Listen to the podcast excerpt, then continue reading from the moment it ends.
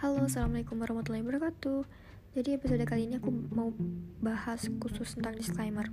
Kenapa? Karena kalau disclaimernya cuman di sela-sela gitu, di sela-sela episode, di akhir mungkin atau di tengah-tengah gitu, kayak gak enak.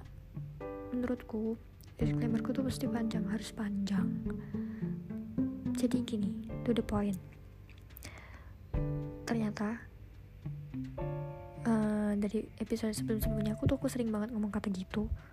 Dan kayaknya. Jadi mohon maaf apabila pendaharaan kataku masih kurang. Karena aku masih belajar. Juga hal yang aku sampaikan itu seringnya nggak bermutu. Random banget. Pokoknya gitulah. Disclaimer.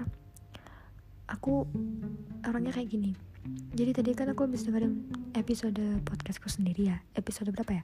Episode 2 yang judulnya itu alur ngidul nah aku sempat ada salah kata yaitu bahkan hal yang remeh hal yang remeh pun seperti sholat astagfirullahaladzim. Padahal itu sholat bukan hal yang remeh sholat itu hal yang wajib. Tapi kenapa aku bilang remeh? Karena aku kayak aduh Alisa kamu salah ngomong eh aku sebut nama. Maaf ya. Iya bener banget namaku Alisa.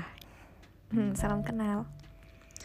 So ya itu aja sih kayak uh, kalau ada kata-kata yang salah nggak enak gitu sebenarnya aku paham gitu. Aku juga peka aku juga sadar gitu aku ada salah kata cuman ya gimana? Ya gimana gitu terlanjur. Jadi maaf ya. Jadi episode ini dibuat khusus untuk disclaimer